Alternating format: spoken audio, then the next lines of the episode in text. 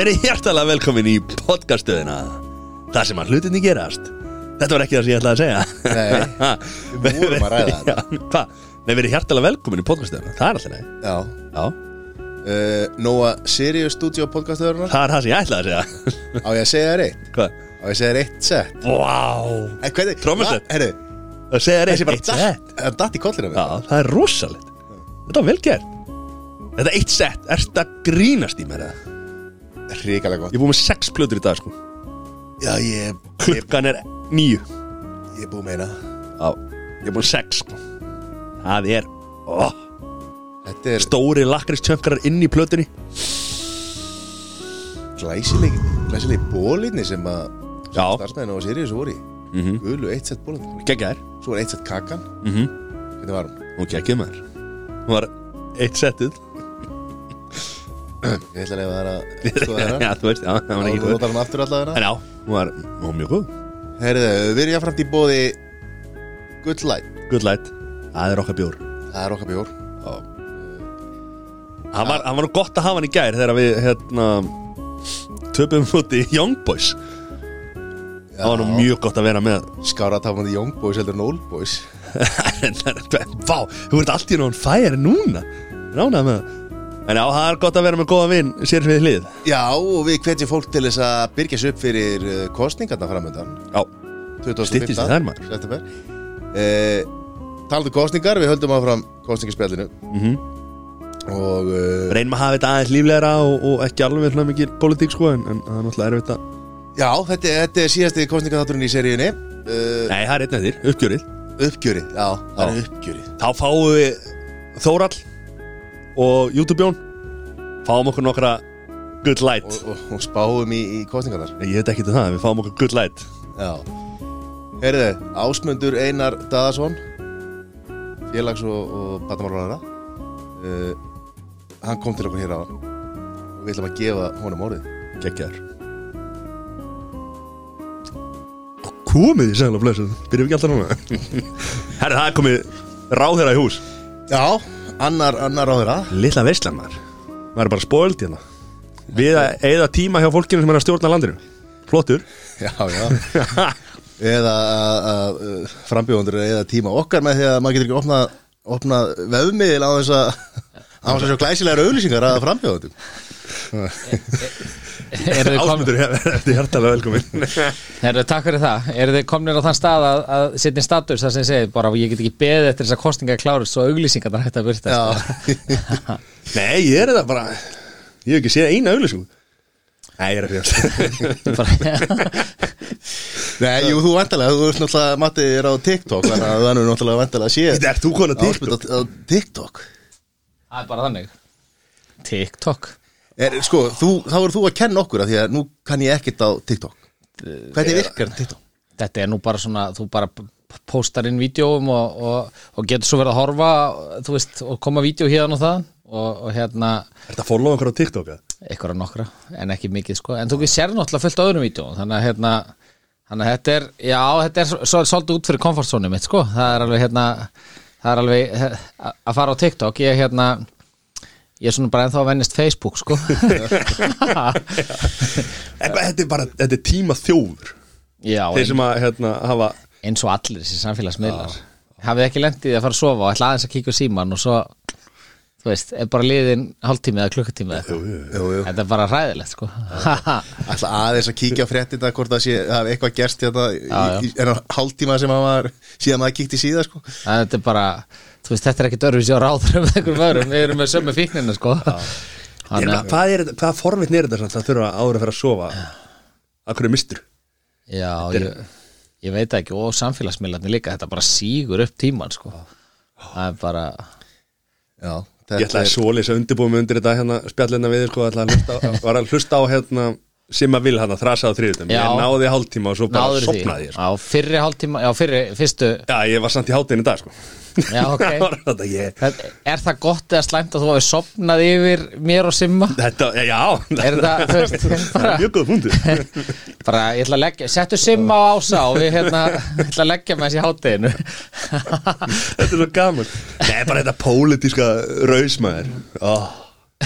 Hvernig nennir Æ, þetta er, sko, þú veist, þetta er gaman þegar mann finnst maður að vera ná okkur um árangri, sko, en þetta er ekki, ég ætla ekki að, þú veist, þetta er ekki, ég, ég ætla ekki að gera þetta æfistarfun til eilíðar.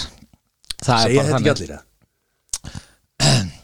Ég var náttúrulega í frambóði í, á nor norvestu kjördæmi þar sem að ég var í hérna var í fyrsta sæti og, og oddviti og alveg í örgu sæti og er að flytja mig hérna til Reykjavíkur í kjördæmi þar sem að, að framsókn XB hefur ekki verið með ekki verið með mann síðan 2013 þannig að, þannig að það er að því mér langar svo að halda áfram að leggja áherslu á þessi barnamálu þetta sem ég verið að gera og, og, og ég meina ég, ég væri ekki að því ef ég væri bara hugsa um að vera í þægilegri innivinnu sko, vegna þess að þá ég verið bara hann í norvestur og halla mér aftur sko Hvað þýðir þetta? Bara, Já, þú ert mögulega ekki inn á þingi eða? Já, eins og staðan er núna er ég það ekki. Ekki inn á þingi? Nei, ekki, ekki nema ég fá einhver atkvæði.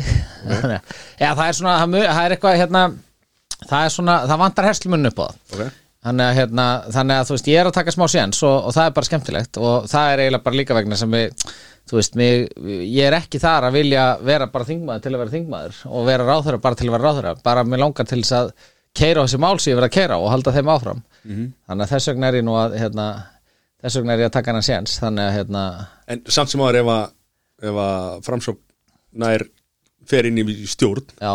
þá getur þú samt orðið ráðherra. Já, það er samt yfirleitt ekki þannig sko. yfirleitt er það er mjög óalgengt að séu þingmenn sem að hérna, sé ekki þingmenn en að, hefur gert, eða það hefur Já, það er einn núna, það er hérna umhverfisráþara, Mummi, Guðmundur Ingi hann er ekki þingmaður, hann er ráþara sko. En það eru bara örfá dæmi um Já, það gegnum örf söguna, á dæmi sko. Þú veist, það var hérna í hruninu tveir, Já, já. uh, hérna Gilvi Magnússon og, og hún Ragna en, en þú veist, það er yfirleitt er þetta alltaf þingmenn sko. og einhver rótutar eitthvað staðar eða svona sko. Sér hvað ég veit samt mikið um Þú ert pólitík alveg Ha? En ég er líka búið núna En uh, ef við förum bara lengra aftur og, og sko Tölum að þessu tilfinningar þú, þú varst í sjö grunnskólum og við erum búin að vera með fleiri framfjöfundur sem að einmitt voru í mörgum grunnskólum. Og við, sko, ég hef- spurði eh, spurt þessar spurningar áður. Er hérna er þetta rótleysi að vera í mörgum grunnskólum? Að þurfa að vera svolítið kameljón geta komið allstaðar inn og, og þú veist uh, er það góð skóli fyrir pólitík? Ég veit það ekki Ég held allavega hérna ég held að sé bara misjant ekki, veist, ég held að þetta sé nú ekki eitthvað svona regla að, að þingmenn eða ráþærar hafi verið í mörgum grunnskólum. En þetta er auðvitað, ég hef alltaf átt rosa auðvelt með allt svona félagslegt og félagslíf og félagsstarf og verið alltaf á kafi í öllu slíku sko.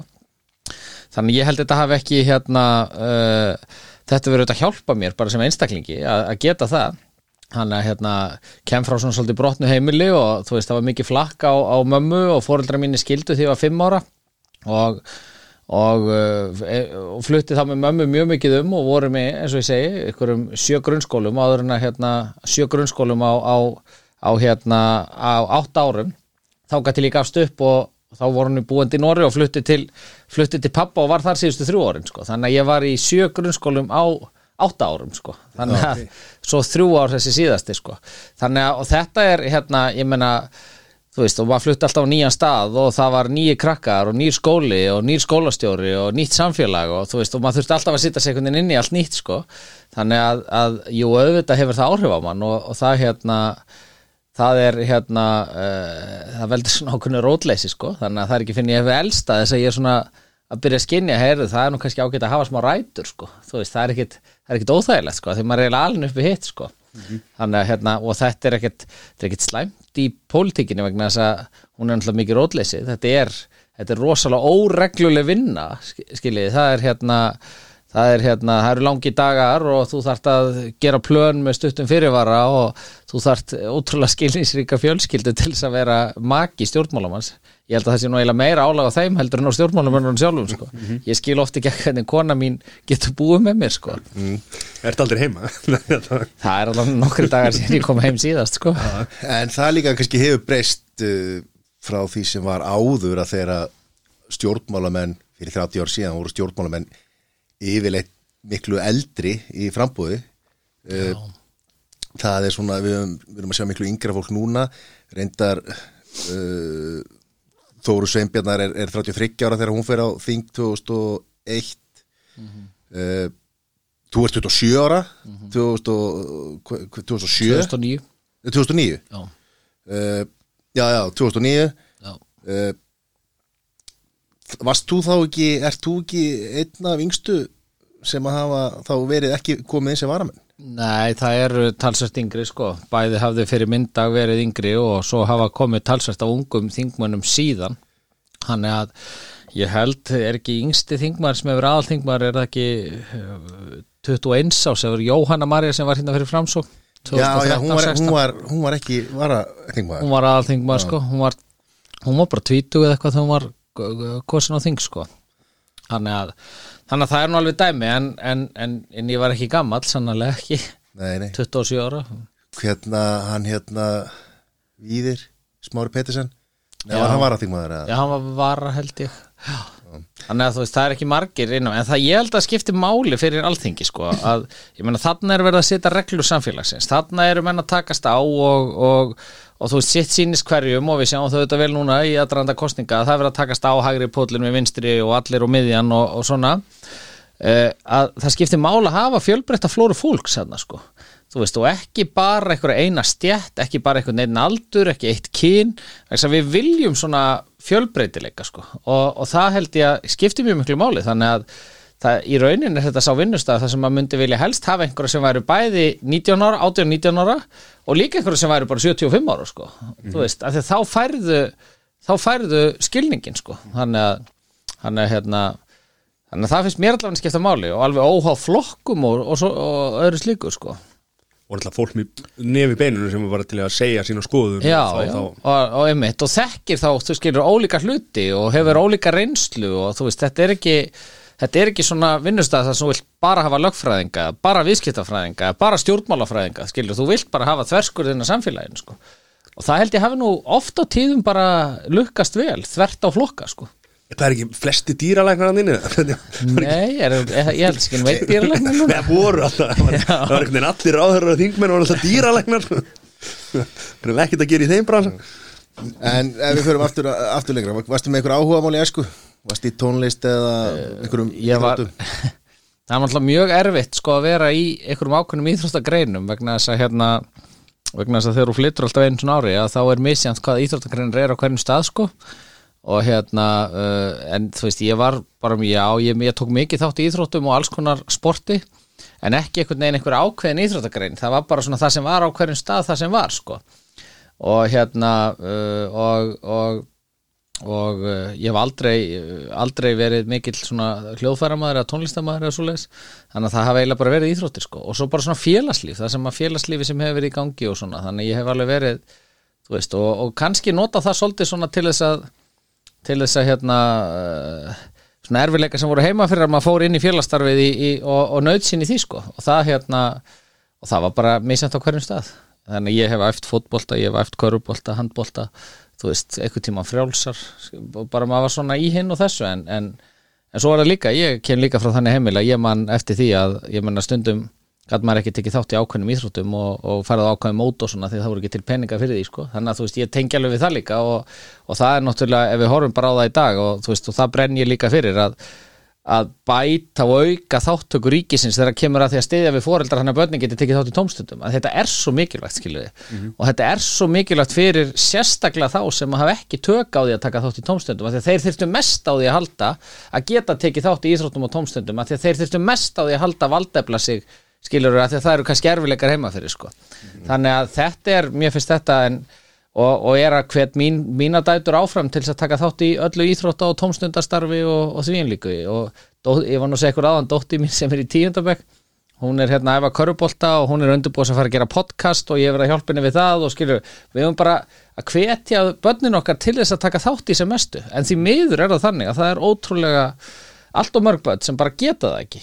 Ímist vegna fjárhæslegar aðstæðina eða vegna þess að það eru ekki félagsleg kvartning heima fyrir sko það er ótrúlega sorglega Svo er náttúrulega eftir að koma í ljós núna þessi, þessi COVID áhrif, hvernig það hefur á sett andlega og, og, og félagslega áhrif á Já, bara börn og úlinga og já, einmitt sko. Og ég, ég er nú búin að vera núna í bara síðustu daga hef ég verið að heimsækja við höfum verið að heimsækja íþrótafélagin hérna framsókn í Reykjavík því við svona stundum vel við þau í COVID og hérna með svona svolítið bara mjög róttakum aðgerðum til þess að þau kemur bara fjáraslega vel út úr COVID og mér heyrist svona heilt yfir að það sé svona minna brottfall úr íþróttunum heldur þeir byggust við sko sem eru þetta frábært af því að maður held kannski að því að maður er sjálfur orðin, ég veit ekki með ykkur sko maður er sjálfur orðin svona æ, það er bara svo þægilegt skilur að vera heima og horfa Netflix og við verðum alls svona, það er svo að hafi hægt á okkur öllum svolítið.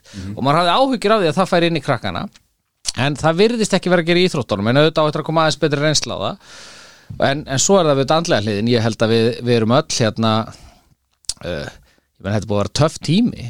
Maður lifandi, ekki bara fyrir þá sem eru hérna, eldri borgar og hafa verið lokaðir inn á kannski hjúgrunaheimilum og ekki hitt fjölskyldunar og svo framvegis, líka fyrir krakka ég hefði aldrei getað, ég veit ekki um ykkur ég hefði aldrei getað þegar ég var 18, 19, 20 verið bara heima alla daga og verið ekki að fara á djammið og skilur allt þetta sem maður gerði. Ég, þú veist, voru þið nokkuð þannig, eða skiljið þetta er, ég meina, svo erum við alltaf að gaggrína krakkana fyrir að bara vera ekstar og þau eru ekki að fara að reglum og svona. Þú veist, ég maður hefði alltaf verið í ykkur partí í heimahósi þegar maður var á þessum aldrei, þetta er bara hluti af því að vera ungur sko, við erum búin einhvern veginn að fjötra þau inni og við þurfum að hjálpa þeim og hvetja þau til þess að hvetja þau til þess að hérna, þú veist, fara á stað og ebla félagslífið og allt þetta og, og erum núna reyndar með hérna smá, uh, erum að fara á stað núna með hérna áttak sem að held að, ég held að verði nú reyndar ekki uh, það verið kynnt núna ekkert í byrjun oktober sem að er þar sem við erum að virkja uh, virkja í rauninni allt félagstarf fyrir börn og ungmenni uh, koma auka búst inn í það uh, vitundavakningur, reyna að fara inn og sækja krakkana inn í félagsstarfið og félagslífið að, bara til þess að koma þeim á stað sko, af því að það er líklegast að þeir sem mest þyrft á því að halda að fara í senast á stað sko. Það þurfa allir að hlaupa sér hotnin sko. Já, það þurfa allir og við þurfum, skilur bara, við þurfum þetta félagslega og ég held að við höfum fattað svolítið kannski COVID að, þú veist, við, við þa það er hluti af okkar þörfum að það er að eiga díalógis og þessa, það er að fara með félagunum og fá sér bjór og það er fyrir, hérna, að fara í saumaklúb, skilur við, konirna sem fara í saumaklúb það er að fara í bumbuboltan og það er fyrir krakkana að mæta á íþróttamótin og allt þetta. Þetta er okkur bara, þetta er hluti að það fungera sem manneskja, sko. Og líka ef við förum nýr í grunnskólan sko, með félagsmiðstöðar og þá er kannski mikilvægast fyrir þá sem að koma kannski af erfiðum heimilum að hafa eitthvað atkvar til þess að sæki og, Á, já. og ég meina og þær voru lokaðar eins og annað í, búin að vera í þessu, þessu ástandi en, en hvað, við, við erum að sjá aðeins fram á bjartari tíma núna, eða ekki er ekki Kemur ekki bara 15. bylgja núna bara á mándaginu? Já, þetta virðist samt vera við séum bara að komast í gegnum þetta sko. þú veist, allavega bólusetningarnar er að valda því að við erum ekki að veikjast eins þannig að það er alltaf verið að slaka upp og ég held að við séum bara 7-9-13 kannski að komast í gegnum mest óveðri sko. þannig að nú er bara að fara að byggja okkur upp aftur eftir það. Ég ætla samt alltaf að halda að tveggja með þetta reglu við sæður sko. Er það ekki? Jú, alltaf nú frá mér. Hvað er búið að En þú getur líka að setja það í grímu þá getur þið knúsast. Er búið að útfæra hérna kjördag? Með alla, það er náttúrulega gríðarlega mikið hólki sem er að fara á sama staðin er, er komin ykkur útfærsla Já, ég held að séu nú alveg ég meina verður þetta ekki bara svo þú ert að fara í sínatöku sko, er ekki bara er ekki bara raðir og tveirmetrar og, og, og svoleiðis, ég held að það sé allt frá gengið og, og verið að vinna líka í hérna, á þess að þetta sé á bent á mínu borð og verið að vinna líka í því að ef einhver er í einangrun eða sótkví að þeir geti kosið sko. Þannig að það er auðvitað það er það var hluti að það var samþykkt lög eða smá lagabreiting í þinginu til þess að opna á að það mætti búa til kostningu sem tengdist COVID sko þannig að þú veist, þú meir kjósa jafnvel úr, út um gluggan á bílnu þínum út í einangrun eða eitthvað svoleið sko. Þannig að og ég held að þetta sé allt á trakki sko. Ekki, en er ekki að þetta er ekki á mínu borði sko. Kjósa bara lúin eða hvað sé. Bara koma við þar og Við Fá mælum bara með að fólk fari í smáralindi fá eitt kjúklingatilbóð og eitt kjörseðil. Krossa bara sem þú vilt að ná þetta? En uh, uh, þú náttúrulega byrjar á þingi fyrir, fyrir Vafgi uh, átt ekki samleið þar, ert tvö ár þar áður ná fer síðan í framsamflóknin uh, Nú ertu, ertu ert, varst á Kvanneri og búfræðingur og ert sem er BSC í, í, frá Lampúnaðarskólanum uh, kom aldrei til greina að fara bara beint í, í framsókn? Ég byrjaði í pólitík mjög ungur sko inn í Vafge og var hérna var Hversu ungur? Hvað? uh, ég hef verið svona 19-20 ára sko. Var það þá í- Nei, það var bara í rauninni bara í gegnum hérna, uh, nei, ég var hérna, það var í rauninni bara um það leitt sem var, já, byrja í, í mentaskóla sko, eða, já, þá svona, eða svona, já, þegar ég var svona hálflega með mentaskólan og, og það var bara í norvestu kjördæmi sko, bara í tengslu við kostningarna þar og svona, þú veist, ég kem frá ég kem frá, afi minn var ég, sko, þegar ég hætt flutti frá mömmu í áttundabekk eftir allt flakkið og, og allt það að þá hérna flutti ég til pappa og hann bjó hjá mömmu sinn og pappa og, og, og aldrei verið giftur aftur og ég er einu sonur hans og þú veist þannig að þetta var svona bara gamalt rótgróði sveitaheimili og afi var alveg rosalegur kommunisti sko. Og hérna þú veist hann var bara hann sagði manni sögur af Stalin og svona þegar maður var lítill sko. Það var alveg þar sko og, og, og, og, ég var mjög vinstri sinnaður hana, á þessum árum sko. Og fór þá inn í starfið hjá vinstri grænum og svona leittist svona inn í það og það var bara gaman og skemmtilegt. Uh, var svo kostningastjóri þarna og var á lista og fikraði mér svo einhvern veginn upp listan og var kostningastjóri tvísvar og eða fyrsta aðstofar og svona þú veist þannig að maður fór þann tröppugang. Og fór svo inn á þing bara fyrir tilvílun 2009 vegna þess að þá fekk flokkurinn svo góða kostningu þarna í norvestur kjördæmi að, að þá flög inn. Kjördæmi það er hérna uh, það er uh, sem sagt allt vesturland vestfyrðir og Norrland vestra. Þannig að það er alveg hérna það er Akranes og svo allir frá Akranesi eiginlega á Söðakrók Já, og allt þar á milli sko. Hvar Þannig að- bjóst þú hana? Eh, Þá bjó ég í Búðardal þar sem að fa fæði minn hérna uh, bjó. Og hérna og, og svona já svo, þú veist, svo fór inn í pólitíkinu þá færist maður líka, maður er, þú veist ég veit ekki, ég er svona ég er meira á miðjun í dag sko bara svo það sé sagt og, og hérna og, og, og, og líður mjög vel á miðjunni að ég held sko, þú veist, ég held bara megni og, og við höfum reynda sagt núna framtíð ráðast á miðjunni sko, það er svona slókani hjá okkur í framsókn, að ég held sko og við sjáum það bara, það er svo mikil átök lengst frá vinstri og lengst frá hægri og þetta eru pólatin sem berjast í fjölmiðlum og það koma fyrirsagnir og svona ég held að meiri hluti þjóðarinnar sé á miðjunni sko. ég, þú veist, mikill meiri hluti þjóðarinnar hann er svona, þú veist, hann vill ekki hann vill ekki sósilist kerfi hann vill heldur ekki algjör af frjálsíkju og allt hérna engavætt og svoleiðis. Þannig að ég trúi því að miðjan sé, hérna, það sé svona hinn rétta pólitík sko. Og, og hérna, uh, en það sýnist auðvitað sitt hverjum í því. Það er hérna, þetta er hérna þú veist það sem að, já, hann að mér líður mjög vel þar í dag sko. Var ekkert erfitt að skipta um flokka? Þetta var náttúrulega, sko, þetta var alveg rosalur olgu tími 2009-13 í stjórnmálunum. Við vorum hérna nokkur sem að uh, vorum í Vafge þá, sem að fórum úr Vafge. Þannig að ég var nú ekki kannski einn í því, sko. uh, og, og þetta var, þú veist, við vorum hérna með iSafe sem að var mikið látökum og ég fór beintin í fjárlega nefnd að ræða iSafe þegar ég var hérna 27 ára gammal og rotta maður í fjárlaganend með æsef og þá skiptist, þú veist, þetta voru svakalega átök sko, þannig að þannig að við fórum eiginlega öll saman út og vorum svo utan þingflokka og svo, svo fór ég yfir í framsók sko, þannig að jú, þetta er ekki, þú veist, þetta er ekki hérna, þetta var ekkit það var ekkit auðvelt en, en, en engu að síður, þetta er hérna maður þarf maður þarf að hérna, uh, þetta er hluti af því að, að, að vera í pólitík að það er að svona elda sjálfan sig og, og þú ert aldrei, þú þarf bara alltaf að vera trúr sjálf með þér sko, vegna þess að þú veist, það er, það eru skriljón skoðanir úti og þú þarf bara að vera vissum að þú sést að elda það sem þú viljir og svo verður bara að setja því hendunar á kjósendum á fjara ára fresti hvort að þú hefur elda með réttum hætti sko. Þannig að, jú, jú, þetta er alveg það er átök að skipta um flokk sko, þú ert að skipta um hóp og, og, og, og það eru ákveðni þættir sem eru öðruvísi og svoleiðis en, en, en þetta hérna, mér hefur fundist já, mér hefur, já, Hver á formaður hana framsókn? Sigmundur var formaður þá, já þannig að hérna áður en flokkurinn, áður en hann s- stofnaði síðan miðflokkin, þannig að hérna, jú, jú, þetta er búið að vera, þetta er búið að vera lærdómsvíku tími En uh, þú segir að, að hérna, að að, að, talar um að þetta, ekki vera æfistarfið sko.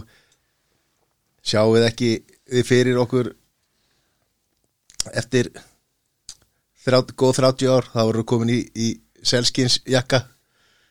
Góðan eins og, eins og Haldur Áskrins og verður hann effilegur í, í góðum selskísjaka Nei, menn ef, ef Ástriðan er ennþá Væntalega þá nú Sko ég hætti skiptir um- 2016 Ég var ekki á þingi 2016-17 fer aftur inn tó, já, fer aftur inn 2017 af Því þá langaði mér bara að fara að gera eitthvað annað sko. og hérna uh, og hugsaði bara, ok, ég er búin að vera hérna núna í, í hérna ykkur hvað sjö ár og, og, og, og, og get bara hætt núna og komið bara aftur eftir 20 ár og verið kannski bara jafnvel svona í yngri hlutanum þá sko. þannig að hérna Þannig að síðan eiginlega bara fyrir svona eiginlega bara vegna þess að svo sem að uh, ég vildi að leiti listan, hérna frambóðslistan 2017 gaf ekki kost á sér að þá svona kom kvartning um að ég fær aftur og þá ákvaði ég svona jú að slá til og þú veist það hérna þannig að þú veist þannig að ég er alveg búin að prófa að hætta líka og, og, og ég er líka alveg þar sko að þú veist mér langar til þess að Sko ég hef alveg, ég brenn fyrir þessi mál sem ég verið að vinna á kjörtíðanbílu sem eru málefni batna, málefni batna fjölskyldna og við höfum verið að gera breytingar þar búin að leggja niður pólitíska batnavendanemndir, við erum að setja um nýtt þjónustu kerfi fyrir börn í vanda sem að þarf að innlega á næstu árum bara það sem að þú veist, við erum að stokka upp allt kerfið þar búin að fara í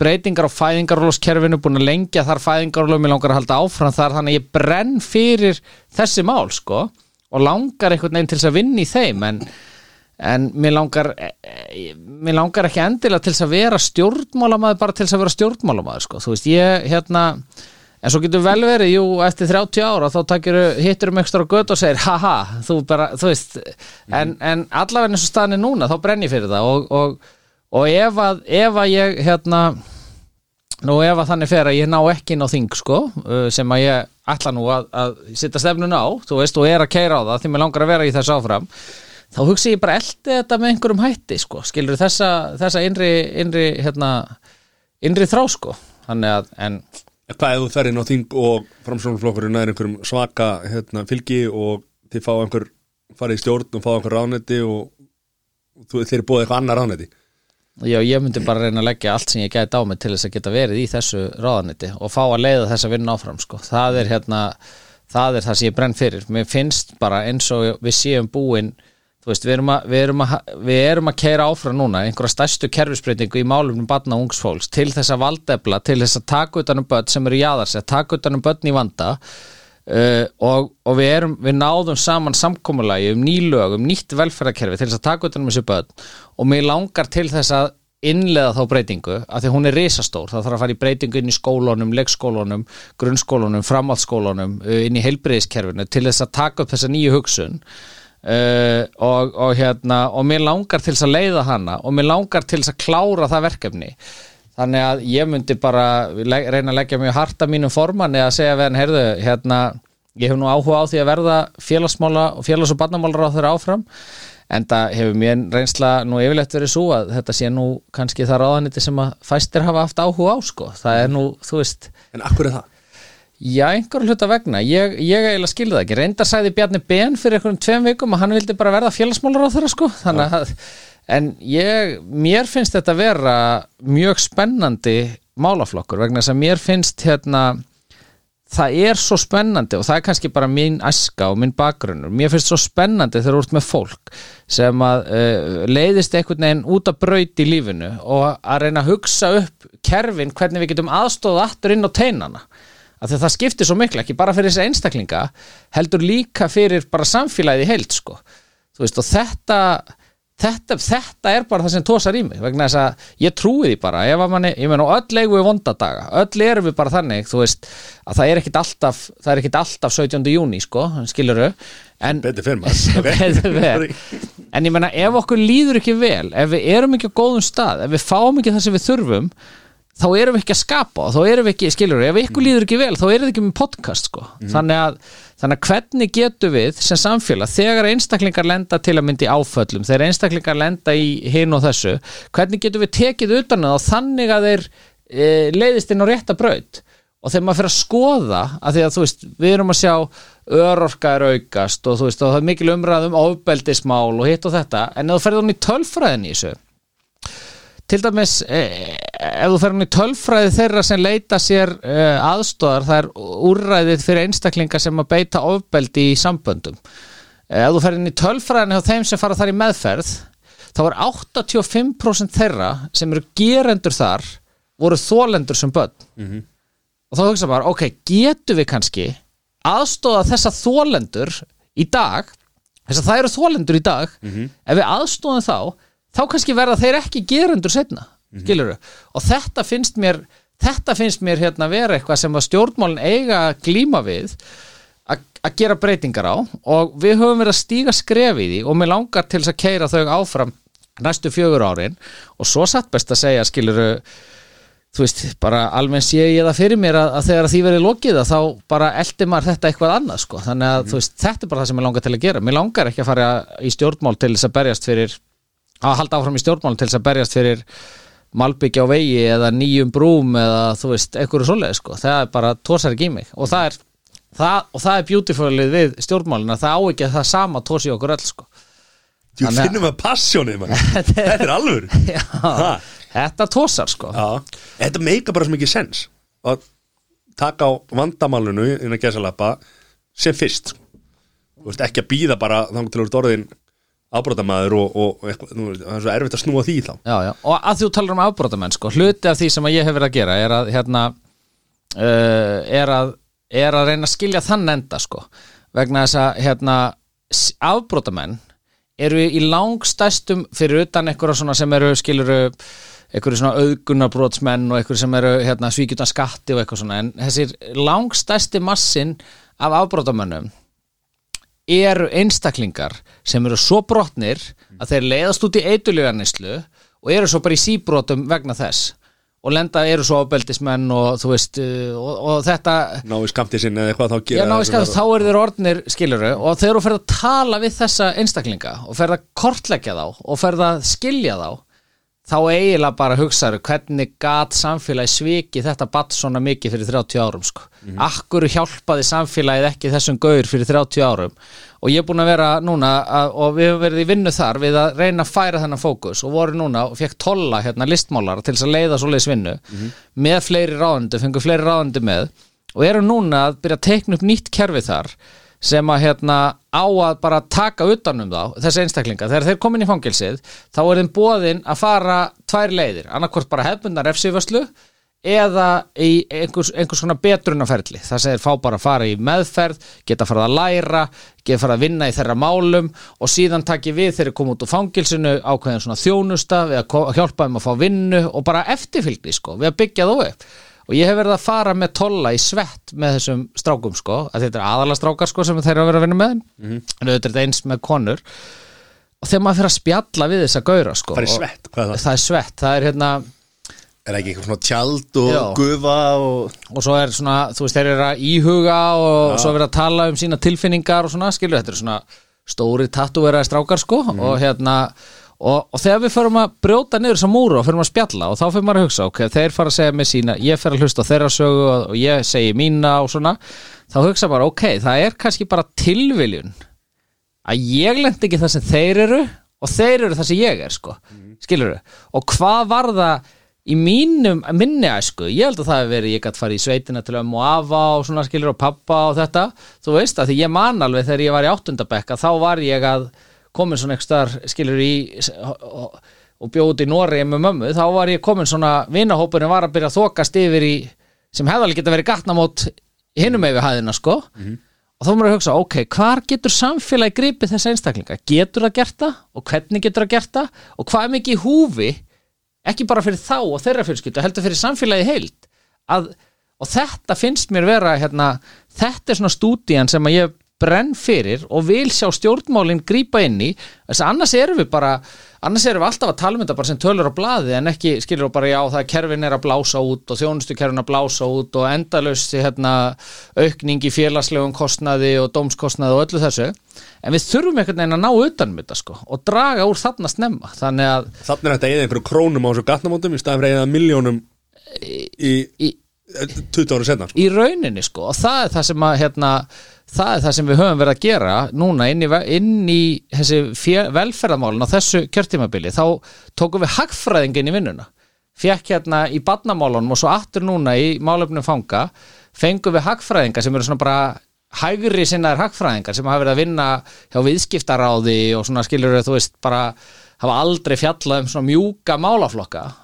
Sögum bara við að, heyrðu, finnum út bara út frá rannsóknum hvað, hvað hver kostnæðurinn er við þennan einstakling bara, eða, við, við einstaklinga sem leiðast svona út á braut fyrir samfélagi heild og finnum svo út hvað myndi kosta að reyna aðstóða við að hérna, bjarga sér snemma og svo líkurnar á því að þeir, það takist, skilur upp, bara eins og gerir þegar þú ert að reikna út fjárfestingu og, og í barnamálunum sagði hagfræð, ef við vorum að tala um það og hagfræðingur þessi skoða þetta, sagði hérna já, þetta er bara með arbæristu fjárfestingum Íslandsugunar, akkur er enginn að spá í þessu?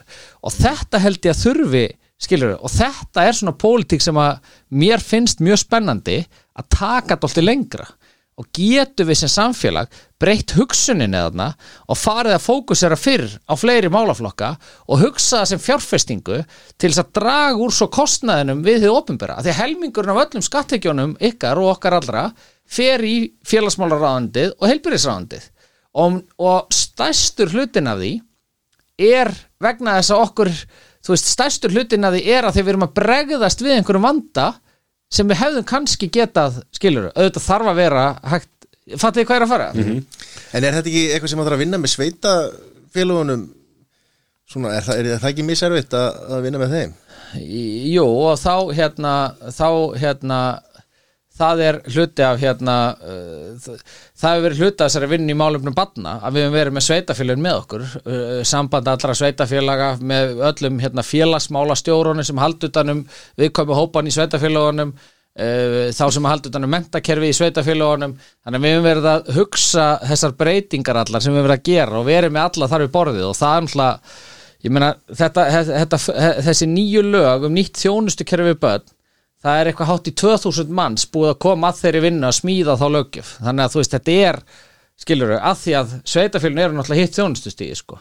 Þannig að, hérna, þannig að, þannig að jú, við þurfum, við þurfum að gera það. Og það er það sem ég langar til að leiða áfram inn í næsta kjörstæðanbíl, það er að halda utanum bara þessa góðu samvinnu sem hefur skapast til þess að ná ná að einhvern veginn láta þetta skip sem við erum búin að sjósetja sigla líka sko, þú veist og þetta hérna Þetta er bara það sem tósar í mig, þetta er það sem ég hugsa um alla daga. Mér finnst bara þessi kostningabárt að vera að tefja mig í þessu ferðalagi sko. Það er bara svona leðilegt er að þurfa að se- fá vinnunum sinna aftur á fjara ára fresti? Er það ekki leðilegt? Það er hérna, þú veist, það er alltaf mjög bara Það er alltaf mjög gott að við skulum búa í samfélagi þar sem að fólk getur losa sig við stjórnmálamenn á fjóra ára fresti. Þú veist, vegna þess að það líka það, það væri mjög hræðilegt samfélagi við værum Já, ekki með það þannig en, en, en það er líka þannig að, að, að, að þá getum við líka verið að ræða svona hugmyndir sko. Og mér finnst það líka gott við stjórnmálin að, að þú veist, nú er að takast á hugmyndafræði, tillögur og þetta og það, það er alltaf jákvætt. En, en, en hérna en svona, e, þú veist, um leið og ég segi jú, þá hérna e, þetta er bara hluti af þessu sko. Maður þarf að sækja sér þetta umboð vegna þess að það er þe þeir sem ráða mann í vinnu er almenningu landsins sko. Og, og við erum að gera breytingar. Og maður er að gera breytingar sem að hafa áhrif á almenning. Þannig að þú, það er fullkomlega eðlilegt að þú er að sækja þér umboð til þessa sama almennings til þess að halda áfram svona ferðalögum sko.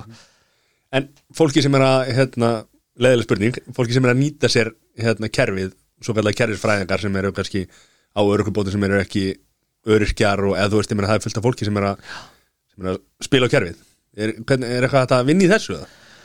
Já, það þarf náttúrulega sko, það, það á náttúrulega að vera það er náttúrulega þannig, bæði inni hjá hérna, tryggingastofnun, vinnumálastofnun og, og bara í öllum kerfunum okkar er eitthvað eftirlit með svona löguðu og, og, og eina leiðin til þess að hérna, þetta hefur nú verið talað svolítið um í tengslu við atvinnuleysbæti núna að það séu einhver hópur fólks á, á atvinnuleysbótum og séu svo að vinna svart og svo framvegis eina leiðin til þess að hefð opinbera komist að þessu er einhvern veginn að það fái upplýsingar um það sko. Skilur, ef að þú ert á atvinnuleysbótum og ert að vinna einhver staðar þá er eina leiðin til þess að að, að, uh, að kerfið komist að því er að uh, er að annarkvort hann segi frá því vinnuveitandinn segi frá því eða, eða það komist upp um því með einhverjum hætti sko, þannig að við höfum verið að herða, herða eftirlit með því til dæmis og hérna og, og það er engin patentlausn á því sko en, en, en, uh, Ég ætla en að tala um að snitches get stitches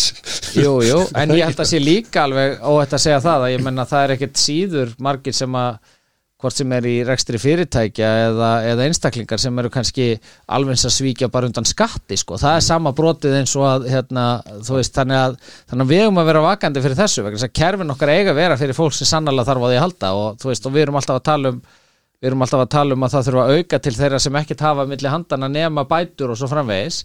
Og þess vegna þurfum við að hugsa alltaf, heyrðu, hvernig getum við bæði passað upp á það að það sé ekki fólk þarna sem er ekki e, e, er að misnota, það er bara hlutaði en líka hugsa, er fólk sem að við getum aðstóða fyrr þannig að það far ekki inn á bætur? Þú veist, mér finnst og það er það sem að okkur langa mér, er hluti af þessari hugmyndafræði. Segja bara, heyrðu, hvernig hérna uh, hvaða samfélag er það sem að til að mynda tekur ungan einstakling sem er þrítugur og er, er ekki með meðfæta mikla föllun skiljiði og stimplar hann bara, þú ert orðin öryrki næstu 37 árin sko.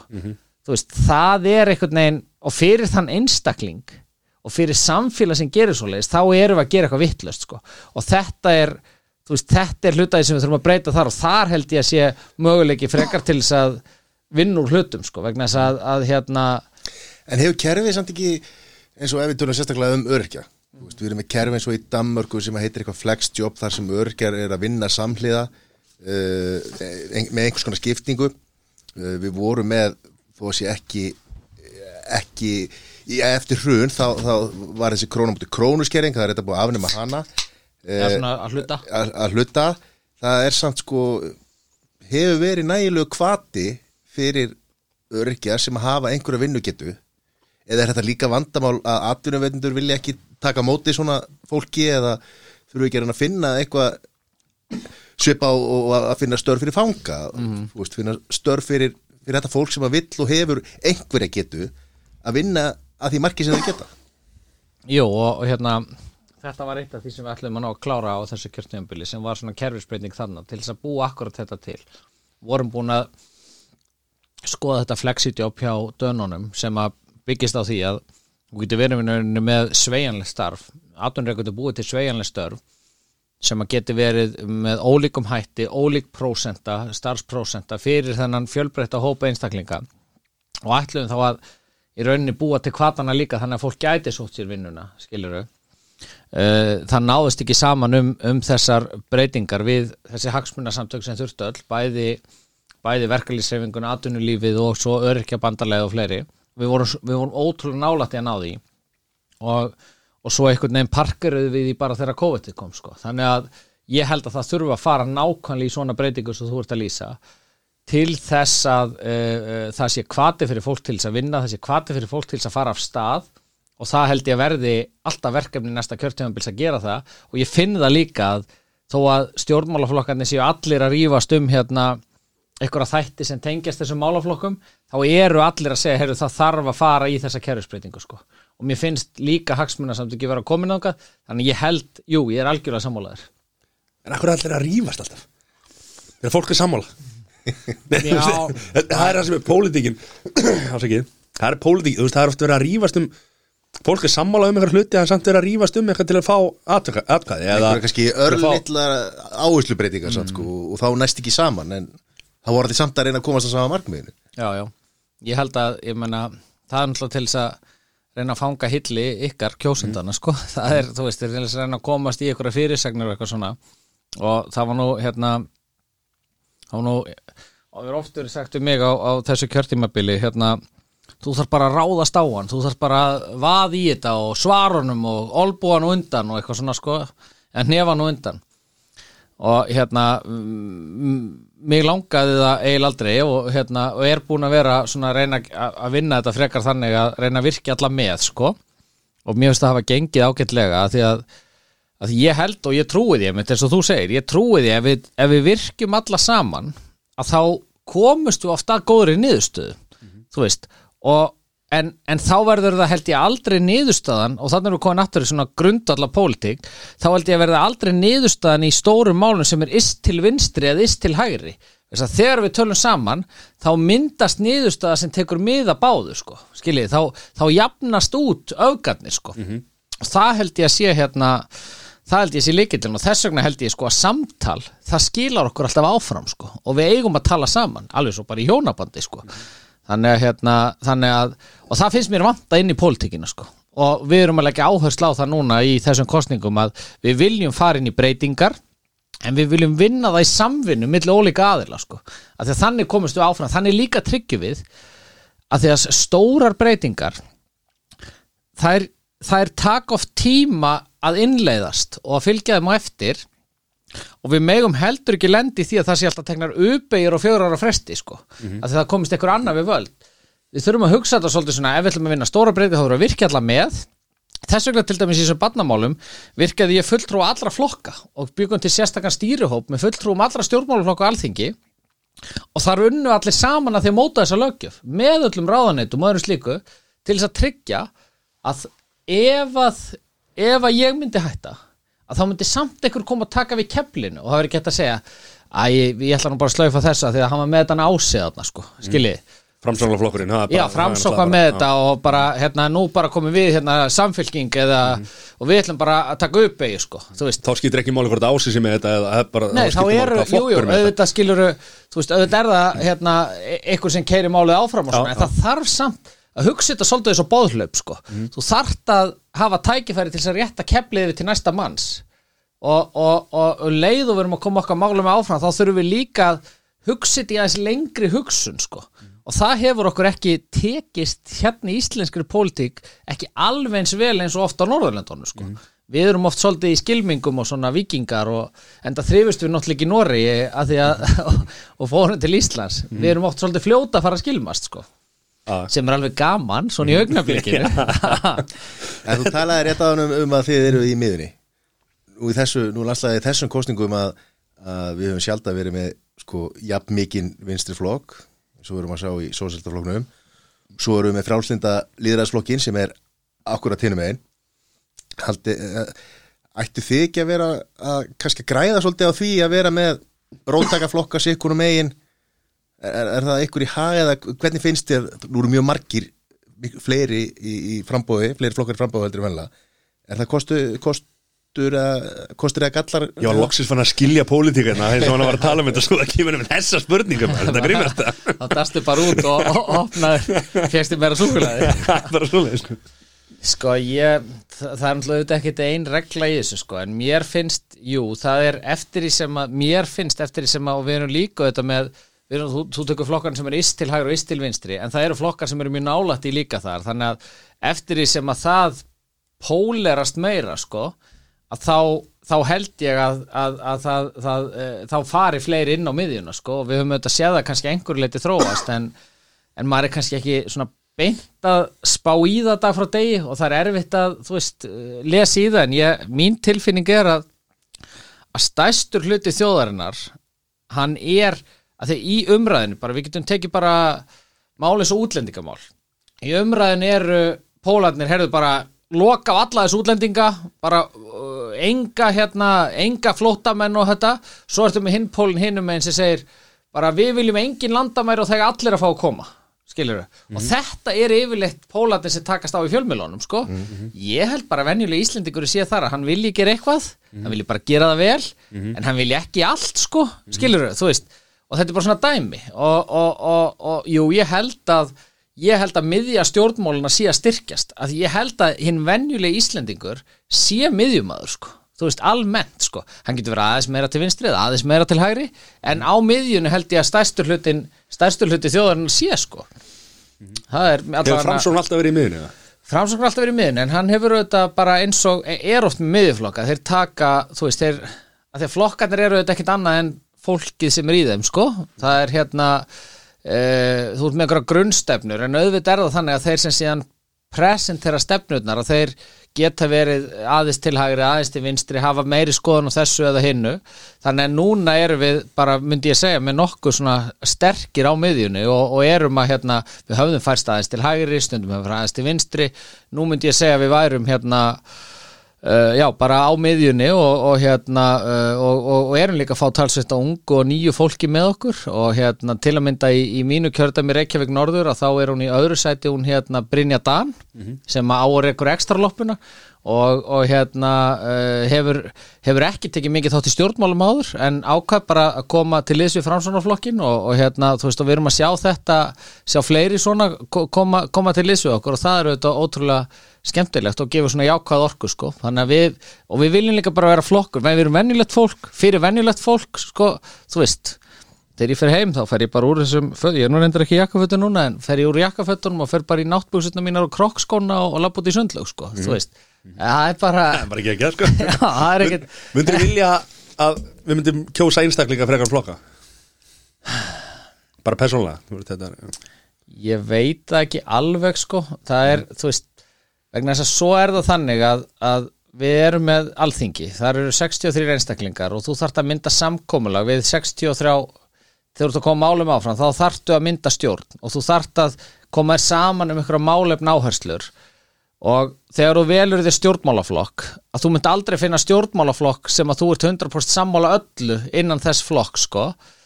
Eh, það mætti alveg hugsa sér svona eitthvað sambland af persónukjöri og stjórnmálaflokkum. Eins og til dæmis maður eh, hefur heyrt erlendis að ef að þú ákveður að kjósa eitt flokk þá ertu um leið að raða fólkin á listan þar skilur það mætti hugsa sér eitthvað svona breytingar en, en ég held að einhvers konar stjórnmálaflokka kerfi held ég að verða að vera sko. En það, ég er hins vegar þar að ég myndi vilja sjá stjórnmálaflokkana beita meira beinu líðræði í ákvarðanatökum með stór mál sko. og það finnst mér vera hérna hef alltaf verið og ein af þeim stjórnarskrábreytingu sem ég myndi vilja hef alltaf vilja sjá og alveg síðan í, eh, ég byrjaði politík og ISF komu upp. Mér finnst bara að við um að nota þjóðaratkvæðagrislur miklu meira til þess að kalla fram þjóðaviljan sko. og hérna hann er að kannski eh, svar við spurningun er ég held að við þurfum stjórnmálaflokka en við eigum líka ekki auki beint líðræði bara í þáttökunni sko. það er sumi flokka að segja að það er kostnir þingmenn þeir eiga bara stjórna Eh, Já, gott og vel, en þú veist þjóðarviljin, það er allt í læg og það er bara holdt fyrir þjóðina að taka umræðu mál og taka umræðum grundvallamál og vera dugleg við að, að gera það. Og þetta eru þjóður eins og Sviss sem hafa gert þetta og nú beita þjóðarakvæðgræslu mikið. Og almenningur þar getur kallað eftir þjóðarakvæðgræslu um ákveðin mál. Þetta er ekki nánast a- alltaf til að feldi eru Jó. svo íhaldsamir í, í grunni Jú, jú, en, en, en ég er ekkit við sem að við séum það endilega, En me- nú nú er allir ráðar skilríki.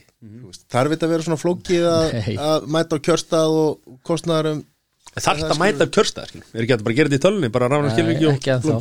Nei, Ég er að segja, þú veist Ég er að segja er það ekki eitthvað sem þið væri það að ekki hægt að Þá er þið kostninganóttin svo stutt sko. Það væri klukkan tíu bara úrslitin ljós. Þá væri ekkert að gera fyrir hérna Það kostningavöku var ekki, var ekki svo spenna eins og, eins, og þegar, Það er- er velli svo var, var inni úti, inni úti og svo allt í hennu inn. Nákvæmlega og hérna ég held að þetta myndi skemma það. Það er þá að hérna við ætlum að Nei en jú Hvernig er svona kostninganótt? hún er yfirleitt síðan hún er bara yfirleitt spennufall sko. það er bara þetta er auðvitað rosalega hérna, upptensaður tími kostningarnar en, en þetta er náttúrulega rosa skemmtilegt sko. ef, að, ef að vel gengur getur þetta verið mjög skemmtilegt en, hérna, en þetta er líka mikið spennufall og, og, hérna, og spennandi að sjá mér að þeir sem að fylgjast með pólitík að það er hérna, mér finnst alltaf kostningarnótt mjög spennandi en er í alinu fyrir þess að ég sé á pólitísku heimili og, og þegar ég var úlingur að þá þá var maður bara að horfa kostningarnóttinu með afa alla nóttina sko. Og hann var að kenna manni þetta. Ha, þannig að þannig, að, hérna, en, en já þetta er þetta er, þetta er já kostningarnótti mikil, mikil gleði. Þið verða að kíka kostninga hafið, hafið þið farið á kostningavökur eða? Nei, Ég býð ykkur hér með kostningavöku framsóknar. Lilla veislan.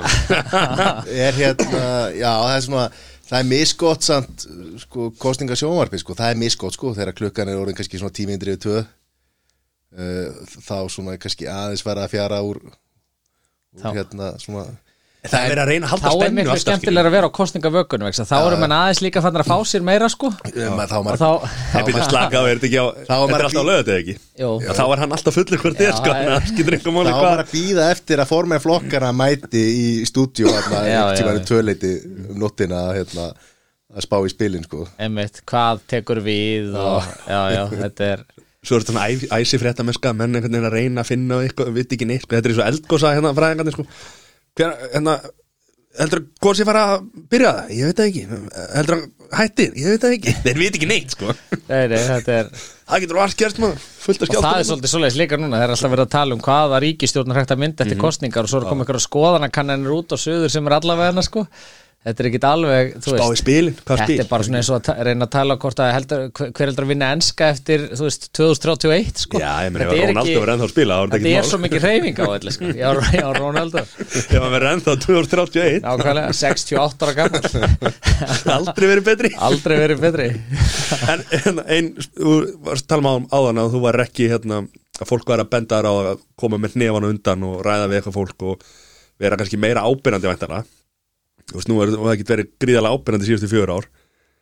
Þú veist, er það eitthvað sem þú sér eftir eða þú veist, maður, ég upplifa allar núna að þú sett bara vinna í, þín, í ránetinu þínu og ert að gera þínu hluti og greinilega gera það vel. Já, já, ég, þú veist, að ég veit það ekki sko, bara, uh, það er einhvern veginn þannig að þessi, þessi sko þessi badnamál sem við erum búin að vera að vinna og þessar breytingar í mínum huga var ég alltaf ákveðin í því, ég meni ég bað Katrínu Jakobsdóttur um að verða badnamálar á þeirra og hérna var jafnbreytt, félags og jafnbreyttsmálar á þeirra að þeim er langaði til að gera breytingar á málefnum badna og þegar ég var orðin badnamálar á þeirra þá hérna fannst mörguðan skrítið og líka í mínum flokki sko, bara badna og hvað, þú veist og ég meina Brynja Níelsson bloggaði eitthvað um að það þyrfti nú ekki rólóvallar á þeirra á Íslandi og eitthvað svona skilur þetta var, þú veist og ég var einhvern veginn alltaf að hugsa bara í þessu herðu, mér langar til þess að koma þessum breytingum í gegn. Og bara ég fæ hérna tækifæri til þess að vera ráðherra sem að ekki allir fá og hérna, þú veist, og, og, og það er hérna, og það blundaði í mér lítill drengur frá því ég var lítill og segi, heyrðu,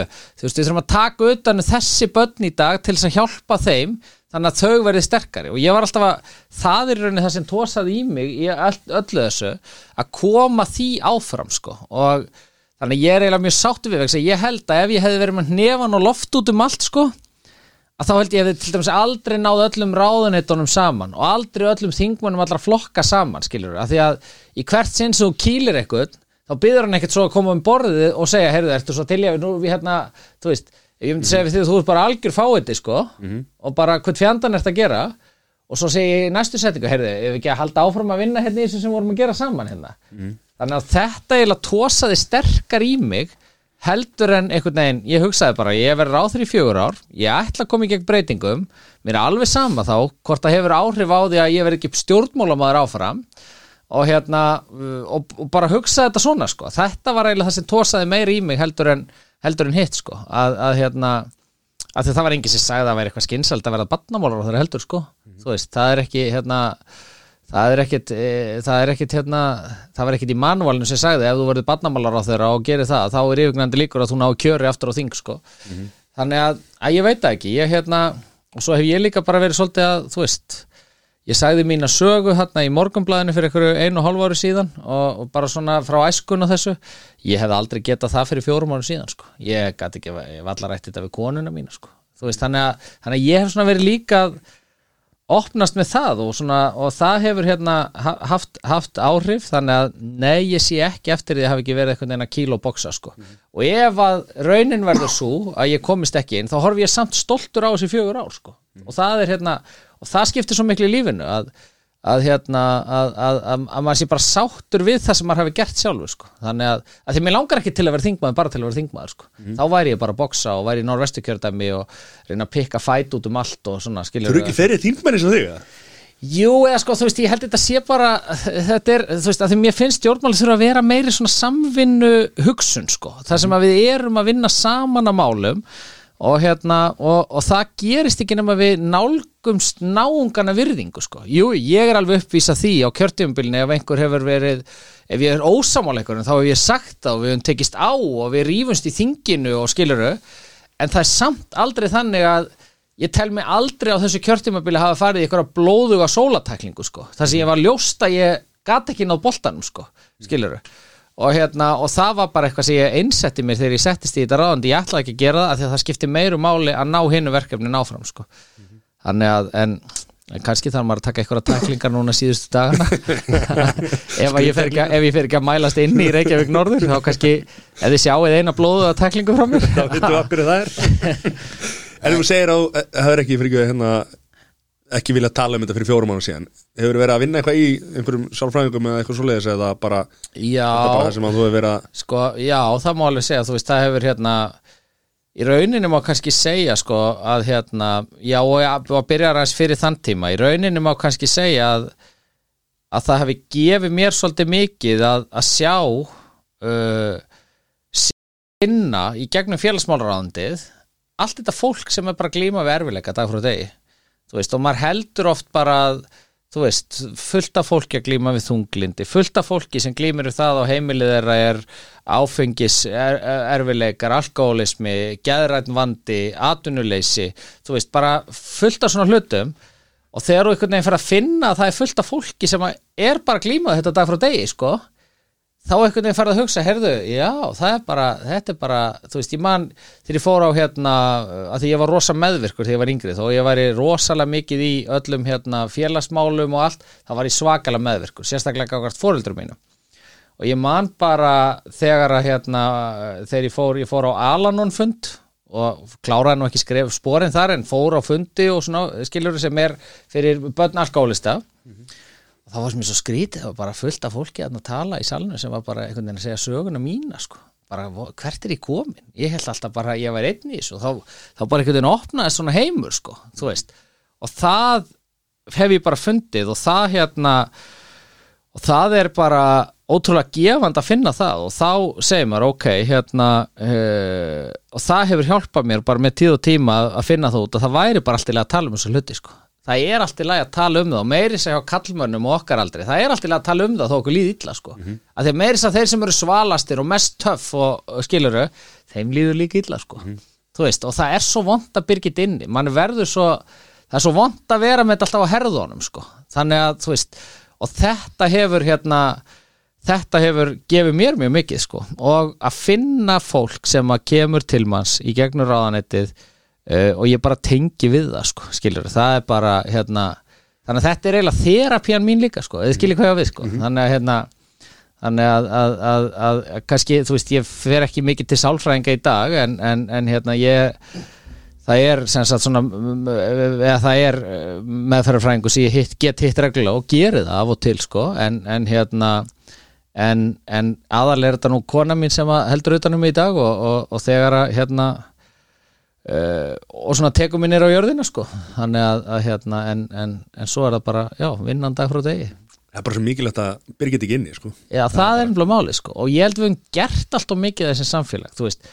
Og margt af því sem að hérna uh, og sérstaklega kallmenn sko. Og ég er alveg það líka sko skilur og bara með fordóma hefur með fordóma en svo núna. Ég er að fara í svett með tolla og þetta er svona semi svona jóka sko skilur þetta er rosa andlegt og rosa spiritual ég hefði aldrei sko fyrir sex árum hefði ég bara gert grín af fólki sem hefði gert svona sko skilur bara, bara þetta er bara fáranlegt og astnalegt Nei, menn, þetta er ekkit lengra heldur sko bara pappar okkar og afar okkar sko. Nei. Þeir afar okkar föðmu ekki vini sinna sko. nei, nei Þú veist, föðmu ekki bara- sko börni sér líka við sko. þetta er bara, þú veist, og þetta er og þetta finnst mér vera að breytast svo hratt sko og þetta er bara eitthvað sem við eigum líka að bera áfram sko Já, bara við sjáum til dæmis Björgvin Pál Gústason og Markmann sem Einmitt. eh, hefur verið svolítið að berjast með þessa baróttu, opna sig og já, já. með því að markmið að reyna að hjálpa hérna, yngri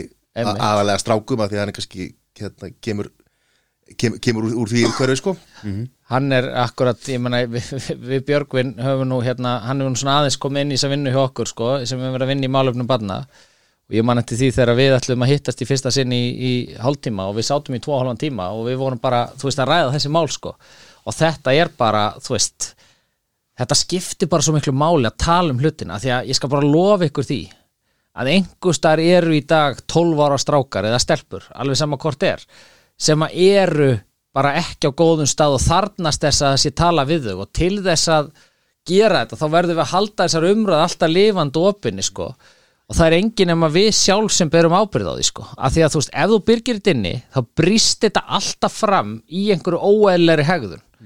Alveg sama hvort að það er einhver fík það getur líka verið e, óstjórnleg reyði, það getur brotist fram í þunglindi, deburð skiluru, líkillin af þessu öllu er einhvern veginn að vera opinn og tala saman sko. Og og líka vita það að þú sett ekki einn í þessu. Það er nefnilega málið sko, að þú heldur alltaf á sérst einn sko. þannig að þú veist, maður heldur alltaf á sérst einn í sé engin annar í heiminum upplifa það sem þú ert að upplifa sko. og það er hérna og ég get alveg sagt ykkur það að því að, að, að hérna þú veist, ég á yngri e, hálbróður og það er ekkert mörg ár síðan að ég gætt farið að hjálpa honum sko, skilur með því að ræða þetta við hann því ég var sjálfur svo lokaður sko. Þú veist, þið bara, ef við höfum setið hér í podcasti fyrir fjórum ára síðan þegar ég var ráðherra þá hefði ég aldrei talað um neitt svona. Ég hefði bara talað um pólitíkina alveg stífur og skilur steril og ég hefði alveg gert það vel og performa sko. En það eru þessi ár sem hafa breytt mér og það finn ég og þá hugsa maður, heyrðu, hvað eru margir svona ennþá maður, bara að verða orðni fertu sko, bara allstæðir í samfélaginu, það er mér að segja ég er svona ráðherra, þú veist, hvað eru margir sem eru að glíma við þessar hugsanir og þessa sögu og einhver útgáfa af henni og eru bara einhvern veginn einir í sínum heim að gera það? Ég held bara að það séu miklu, miklu fleiri heldur nokkur nokkur tíma grunnar sko. Það er bara, þú veist það er hérna og þetta er bara þetta finnst mér vera hérna, þú veist, og þetta gefur mér sko það er bara staðrænt sko Þarna kannski, þó við séum, eigum kannski ekki að líta til uh, alltaf til bandaríkjana, en þar þykir bara eðlilegt að fólk fari til sálfræðings, Já, þó það sé ekki að glíma við eitthvað eitt ákveð, en það er bara svona einhvern veginn hluti af uh, Velferðarkerfinu. hlut, Já, hl- sko, hluti af lífinu, sko náttúrulega fyrir þá sem að hafa efna því og geta gert það, sko en að hafa bara einhvern svona hlutlösa aðalega til að tala við Ég og nú, sýsti mín er gift Amerikana, býr í Ameriku þau giftu sig, svo var það bara held ég tveimur eða þremur viku setna þá voru þau komin til hjónabansar ágjafa Já. á vegum kirkjunum sem þau voru í. Maður bara svona, veitir, hvað akkur er að fara til ráðgjafa? Nú bara til að ræða málin. Og þá þú bara haldið að þau vera að skilja það er þú eitthvað veist, ég bara, vesen, já, já, þú veist, já, af því að það er það sem að maður alveg nuffið, sko. Þú ferð ekki til sárfræðins eða ráðgjafa eða hvernig maður sé eitthvað vesen, sko En það er samt sko, þú veist, þetta er svo skrítið sko, að því að þegar að kemur að öðrum hlutum sko, þú veist, ég fer ég fer, ég er með heimilislækni og fer einu svona árið til heimilislækni svo hann mæli blóðþrýstingin og hvort ég með ungi blóðsigur og segir mér yfirleitt að já, þú mátt nú ekki fitna áfram svona mikið, þú voru að passa að þingjast ekki um eitt kíló ári og þetta er allt þetta líkamlega sko. Þú veist, en, en, en þegar kemur að þessi andlega þá erum við oft bara einir með sjálfum okkur sko, þú veist, og þetta er alveg rétt. Og þetta er held ég, ég held að þetta sé ekki bara kerfið sko, ég held að þetta sé ekki bara vegna þess að það er alveg flóra af alls konar úrræðum sem að hægt er að fara í. Ég held að þetta sé svolítið mentalitetið okkar og ég held að þetta sé eitthvað sem við þurfum að brjóta svolítið niður og vera opnari með sko, það er allavega mín þú veist, ég held að þetta sé eitthvað í Við vorum náttúrulega hérna í hundrað ár eða eitthvað, fyrir, ef, nei, fyrir, bara í síðustu hundruð ára höfum við bara farið þetta alltaf á nefanum sko. ég meina, það eru sex ár síðan vorum við torkóa, sko. Skilur, já, og þetta er bara, þú veist, og bara, það þýtti ekkert bara að, að vera að væla og það var ekkert óeðlegt að missa þrjú börn og eitthvað, skilur, þú veist, þetta og við erum bara búin að vera þarna, sko, og við þurfum einhvern veginn átt okkur á því að við þurfum kannski aðeins að hugsa um okkur sjálf líka, sko, og þennan andlega hluta, á þess að á þess að tapa þessari seglu og þessum krafti sem færi okkur til að byggja þetta land og, og, og draga það áfram sko. en við megum alveg vera miklu mannlegri sko. Þannig að hérna, og það finnst mér vera hérna það er auðvitað ekkert kannski eitthvað stjó, stjórnmála tengt sko. þetta er ekki þetta vitum við ekki til stjórnmál, sko. Geti maður til að fara trúnó? já, við erum bara eiginlega komnir á það er bara eins og við séum búin að fá okkur þrjá hérna. það hefur verið geggjar enda, sko.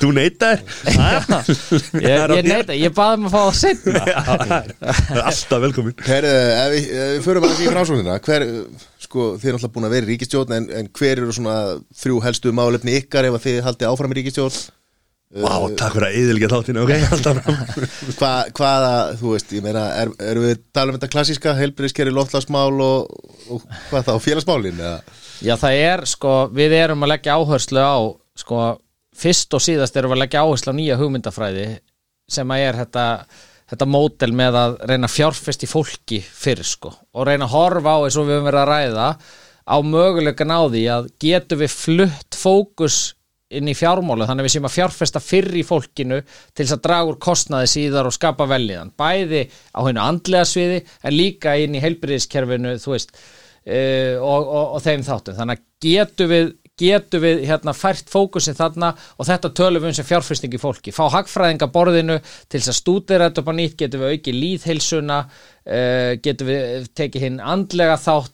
þú veist, alla þessa þætti. Þetta langar okkur til að verði svona fókuspunktur næsta kjörtímabils og svona ný hugsun í því og ný svona fjárfyrstingahugsun síðan erum við, bara svona svo ég nefnir kannski þrjúmál, síðan uh, teljum við að það þurfa að fara í endur skipulagning og öllu þjónustu kerfi þegar kemur eldra fólki. Vegna þess að það er ótrúlega flókið þjónustu kerfi þar. Bara að, að þar ertu með ríki og sveitafélag sem er að þjónusta þess að hópa. Okkur langar til þess að endur skipulegja þetta kerfi allt á sama grunn og við verið að gera í málefnum batna nýta reynsluna þar, kalla alla borðinu og endur skipulegja þau. Og svo kannski þriðji punktur sem að tengist kannski svolítið svona að því að við erum búin að tala svolítið um mikriflokkana sem eru þá þessi svona vinstri hlutin af okkur, svo er það þegar kemur að atvinnulífinu að þá teljum við að það þurfi innspýtingu inn í lítil og meðalstór fyrirtæki sem að hérna e, eru fyrirtækin sem að hafa mesta möguleika á því að að, að vaksa og skapa hér fleiri störf og, og, og meiri tekjur. Og, og teljum að það er að ráðast í skattkerfisbreytingar þannig að þú léttir sköttum á litlum og meðalstórum fyrirtækjum léttir bæð á þeim tryggingagjaldi og tekjuskatti og öðru. En, en, en skattleggir þau fyrirtæki sem er að skilja meira í arði í staðin ekki til þess að taka peninga út úr fyrirtækjamenginu skiljiði, heldur að miðla innbyrðis innan kerfisins. Og þetta er svona kannski þessi þrjú svona stærstu mál sem við leggjum áherslu á fyrir utan að við erum auðvitað með stefnu í öllum hinnum málaflokkonum hvort sem eru umhverfismál eða annað en, en þetta séu svona þessi innviðir sem að það, við þurfum að fara í eitthvað breytingar á sko þannig að þetta er svona það sem að hérna og, og fyrirtækjumálum kannski eru meira á hendi formansins okkar og, og heldur en mín en, en svona þessi mýgri mál það er svona það sem að ég hef verið að hérna innan gæsalappa mýgri vegna sem mm þau eru náttúrulega bara Þau eru hörðalur, þau eru- grjóthörð sko. En þú getur látið formannu vita að podcastur er alveg til í smá innspýtingu sko. Engar ágjör að því minn. Já, er það ekki? Við tökum vel á Já, móti þú því. ætlum að styðja þetta podcast alveg sérstaklega um hérna. Við fyrir beint í fjárlögum Já, ég fái sér fjárlega lið oh. bara, Hvað getur við fengið eitthvað skúfu? Skúfur á þeirra eða? Já, bara uh, Við ræðum það bara þegar eftir upptökunar hérna. Nei, nei, þetta er Þú er í konum að hála nýs Nei, nei, við klippum þetta út uh, En ef að, þeir ekki ef, að framsóknar er ekki í meira hluta uh, hvernig hvernig sérðu þá fyrir flokkin á þingi þá? Þetta er náttúrulega, þú veist Það er búið að spyrja um undanfarnar daga hvað ætlar að gera og þú kennst ekki inn í Reykjavík Norður eins og ætlaðir þér? Þetta er svona eins og að spyrja fótboltamann í háluleik hvað ætlar að gera og tapar leiknum sko? Þannig að þú veist, auðvitað ertu að þessu til þess að komast í ríkistjórn og geta áfram haft áhrif sko. Þannig að mér finnst einhvern veginn um leið og ferð að segja hvað ætlar að gera að þú gera, ferð ekki þangað þá ertu einhvern veginn farin að hugunum komin þangað. En, en ég held sko Uh, ég held að þá munum við bara reyna að halda okkar málum lifandi og keira þau áfram með sama hætti. Ég, ég myndi alltaf vilja geta tekið áfram þátt í þessu verkefni sem snýrað málefnum badna og því þannig að hver sá sem að tæki við því að ég myndi vera bara þar all in sko vegna þess að mér finnst að vera svona above politics sko Segðu bara það sem vorst að hugsa Umulig spurning. Já, en, nei, nei, þetta er Þetta kemur pólitík sem aðeins Nei, nei, nei, þetta er fín spurning. Fín spurning. En ég meina, ríkistjórn samstarfi gengur vel. Það er ekki það? Jú, jú, Er þú ég að veist, miskilja þetta eitthvað? bara, Nei, nei, nei, bara hefur bara gengið bara ágætlega sko og ekkert hérna út á það setju þetta er þetta ólíki flokkar og, og þú veist og, og menn er að takast á og svona bara svo gengur en, en, en ég hérna get ekki kvarta vegna sem ég hef komið öllum mínum málum í, eða svona mörgum af mínum málum í gegn og þetta ekki öllum sko.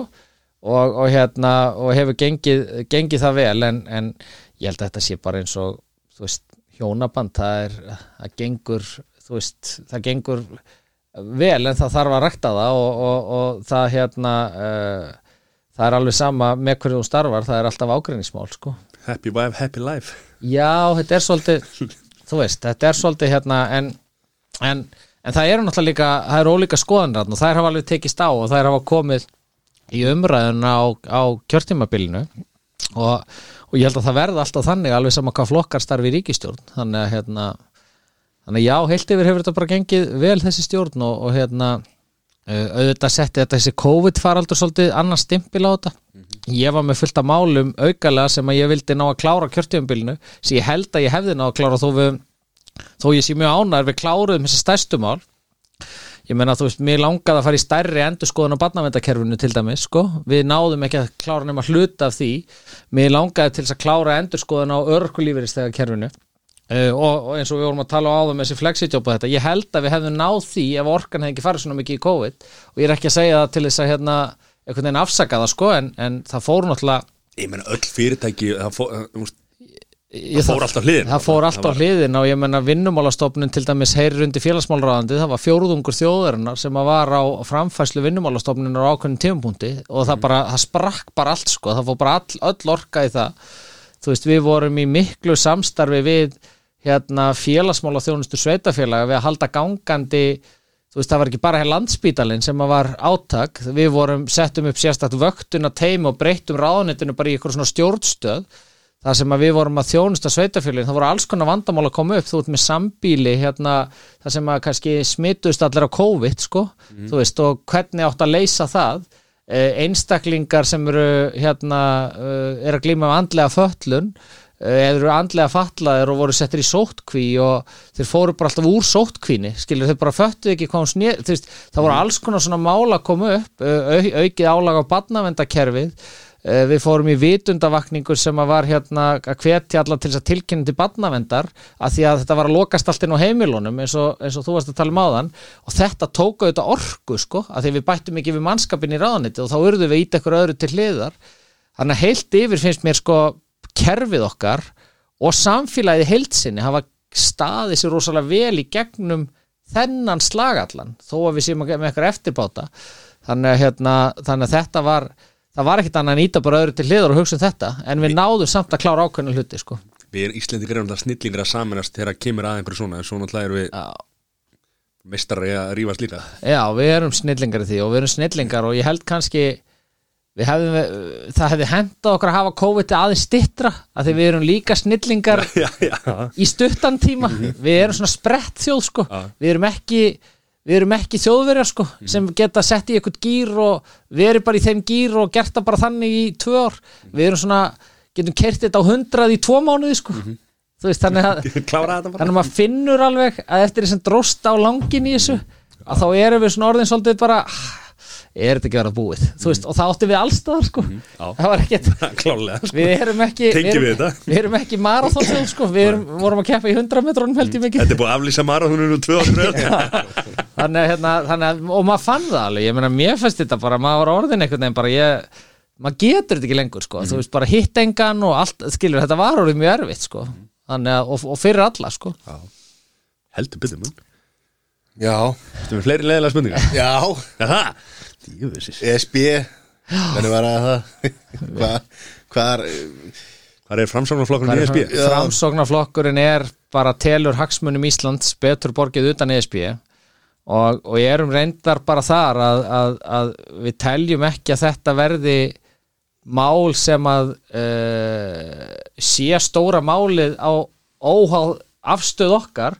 Þá teljum við að þetta sé ekki mál sem að eigi að vera stóra málið á næsta kjörtíðanbili þess að verkefnin séu bara önnur heldur en að ræða ESB eða ekki ESB sko. Þannig að hérna uh, þannig að já það er nú svona þú veist það er og, og, og mér finnst einhvern veginn margir vera stattir þar að þetta sé ekki eitthvað sem að hérna ekki eitthvað sem að e, eigi að vera eftir á dasgrá á næsta kjörtíðanbili þannig að við höfum bara sagt jú við erum mótfallin ESB en, en, en, en ég er þetta kostingamáli sko. Það er svona eiginlega okkar okkar teik á það sko. En kjördæmaskipan, þú kemur úr, úr hérna, stóru kjördæmi. Ert að fara núna ég sko, landfræðilega stóru kannski með, með færri, færri kjósundum og ert að fara núna í, í Reykjavík kjördæmi. Mikil urræða það hvort að, að eða það að eitt atkvæði er ekki eitt maður út af, út af hérna, skiptingu atkvæða. Er þetta eitthvað sem að Við höfum verið, við höfum verið, verið þar að því að framsókn er náttúrulega hérna, svona sögulega þar að við viljum jafna þjónustum alland sko og, og við höfum verið þar að á meðan ekki búið að ná að á meðan við erum ekki búin að tryggja sömu þjónust allt í kringum landið að þá hérna uh, að þá séum við ekki tilbúin til þess að skoða það að draga úr uh, rödd landsbyðarnar þetta hefur verið hluti af því að hérna þetta hefur verið hluti af því að þær rattir heyrist sko þannig að, þannig að hérna og, og, og þeir hafi sterkari málsvara þá til þess að e, jafna þann aðstöðumun sko. Þannig að, að við höfum verið þar að þetta sé ekki eitthvað sem að e, ekki eitthvað sem að hérna eigi að vera forgáms, forgámsverkefni og raunar sumir hafa tekið sumir hafa tekið mið af bandaríkjunum að þau voru að tala um þau áðan að ég held að Washington ríki sé ekki með neina þingmenn sko, að, að, því að, að því að þar er öll stjórnsíslan, þar er allt sko. En við erum reyndar ekki þar heldur sko. Þannig, að, þannig að þetta sé hluti af svona einhverju byggðajafva í landinu og það þurfa að vera það þurfa að vera og, ég, og mér finnst reyndar sko frá því ég byrjaði í pólitík þá fannst mér alltaf vera svona rosa andstaða hjá landsbyðinni gagvart 101 og hjá 101 gagvart landsbyðinu og eitthvað svona sko. Mér finnst þetta hafa mingað og mér finnst svona vera meiri skilningur í, á báðum stöðum gagvart mikilvægi hins. Og maður sér að þú veist eins og til dæmis í mínu gamla kjördæmi flateyri sko, það er sem að vestur á fjörðum það er all, allt köllið úr 101 er að kaupa sér þar íbúður og hús sko, skilur þau, þannig að maður sér svona minnst vera að byggja svolítið svona brúan á milli sem að mér finnst bara að vera rosa jákvætt fyrir þjóðin í heilt, af því að ég er bara þar, þú veist, ég vil öfluga menning og öfluga listir og, og allt þetta sem er í 101 sko, skilur þau, og er svona sterkar á þar, því minnst að bara hluta þessi skilgrinnur okkur sem þjóð.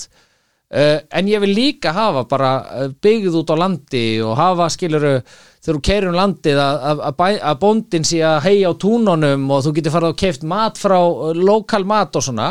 Og ég held að þessi mér finnst okkur á síðustu árum hafa tekist svolítið að brúa þetta sko þú veist. Og hérna og, og eigum að halda áfram að rækta þennan skilning á milli þjættbílis og dreifbílis sko. Er það þeirra hérna, borgarbúa fóru að köpa betta bíli frá fóru að rundum allar sveitir og að einhverju leiti sko. Við hérna Óttar Proppi, þið veitir hver Óttar Proppi er?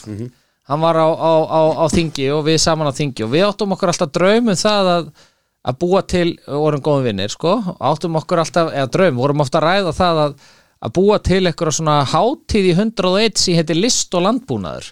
Þar sem við myndum tengja saman listamennin og bændurnar og að því að þeir væru skiluru hluti af þessari eh, þessu sem skilgrinnir okkur sem þjóð sko. Og það væri svo pirrandi hvað þeir væri ofta að ráðast hver á annan sko. Og hérna og ég held þetta sjálfur rétt. Ég held að, ég held að það sé hérna ég held að það sé kannski í 101 er kannski bara engin í, í enda dags meiri stuðnismæður þess að geta keft beint frá bíli heldur en akkurat svo sem býr í 101 og ég hugsa að sé hvergi í, í höfuborginni herra hlutalla fólki á tímabili sem gekk um í svona töff lópapeisum eitthvað eins og í 101 skilur þetta er, þú veist Svo eru bændur líka listamenn. og svo eru bændur líka listamenn og þú veist þetta tengist allt. Og er einhvern veginn, mér finnst eiga að vera umburðalindar í gagvartis og það hefur farið alltaf í tögarnar á mér að, að þú veist þegar að þegar að hérna þegar að menn hafa verið að ráðast hver og annan. Og ég hef alveg verið se- sekur um það sjálfur á mínum tíu ára pólitíska ferli. Þegar ég byrjaði þá var ég miklu minna umburðalindu gagvartisu og hérna og, og svona og, og, og, og, og tók þátt alveg í þessu stríði. En mér finnst hérna mér finnst þetta að vera að breytast og mér finnst það gott sko, mér finnst það jákvætt. Kannski aðalega sem að hefur kannski ekki staðið vegi fyrir fullri samstöðu en náttúrulega málefni flugvallarins en við erum ekki að ræða það hér.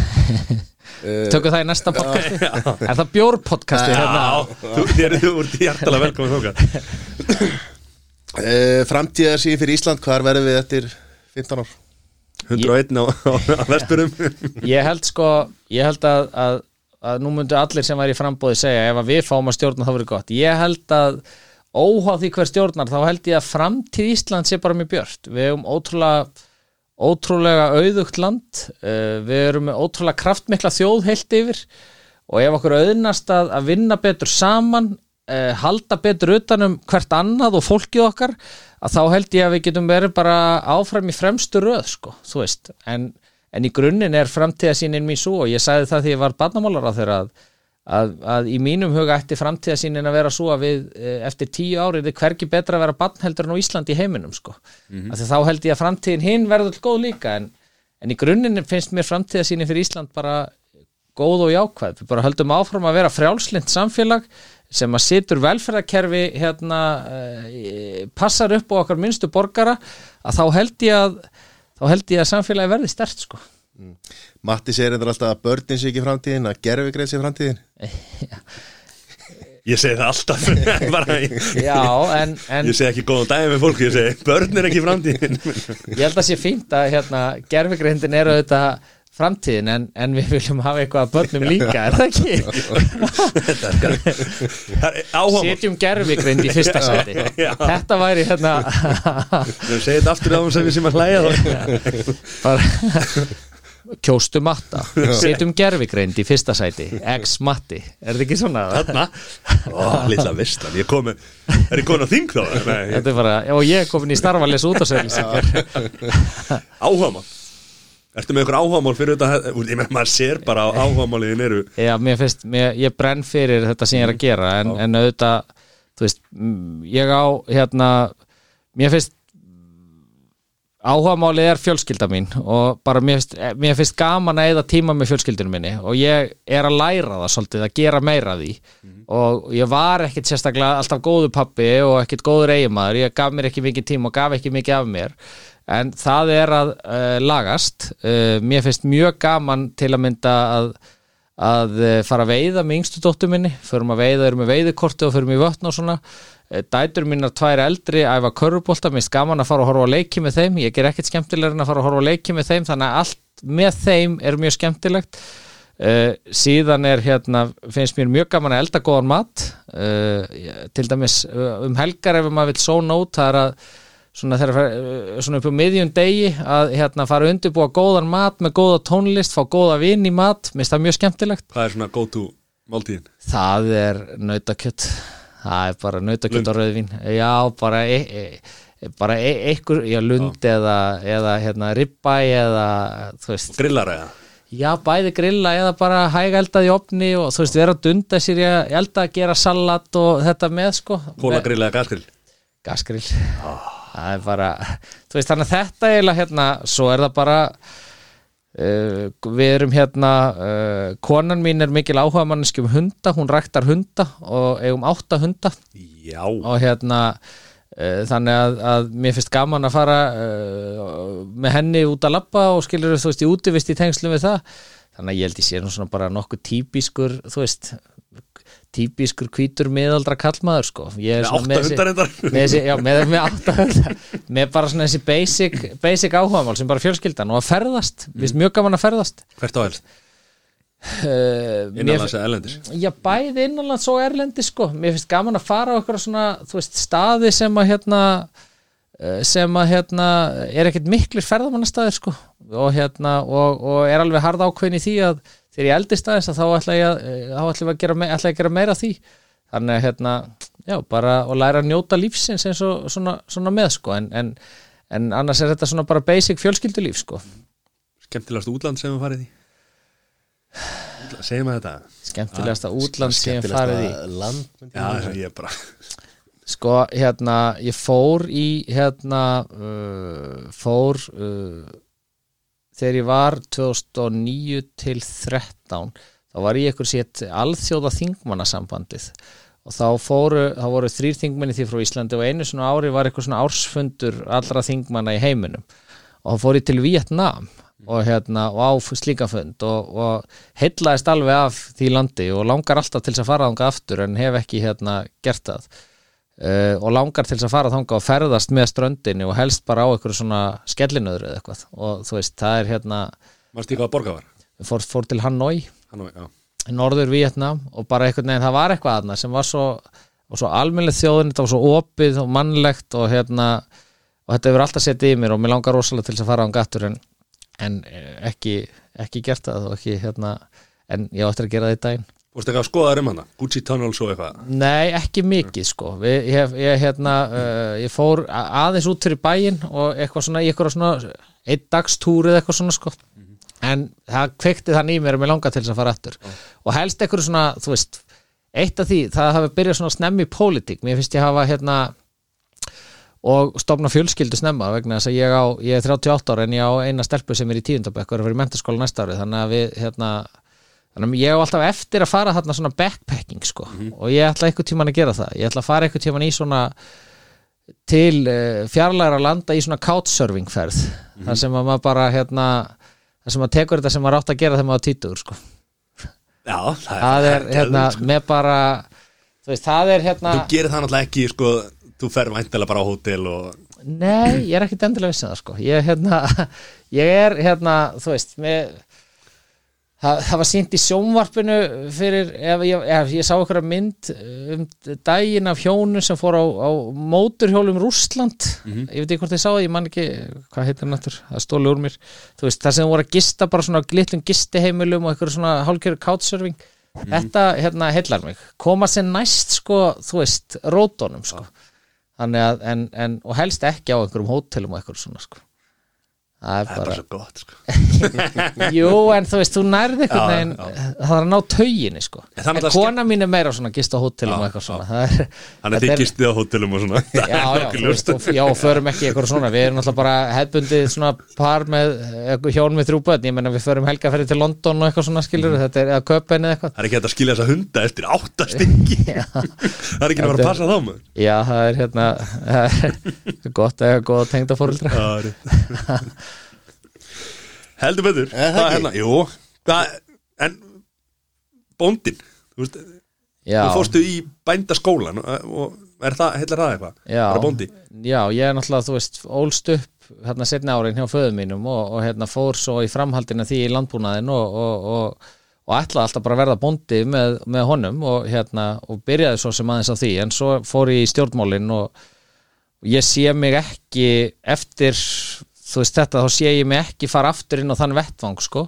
Uh, ekki, það er bara aðrir þættir sem toga meir í mig sko. Og, og það er hluti af því held ég sko með fullri virðingu fyrir íslensku landbúna ég byr mikla virðingu fyrir honum íslensk matvælaframleysla og allt þá er þetta einhvern veginn búið að vera ferðalagi svolítið að elta sjálfan sig sko. Og, og ég held ég hafi ekki verið að elta sjálfa mig þegar ég fór í það landbúnaðanám sko.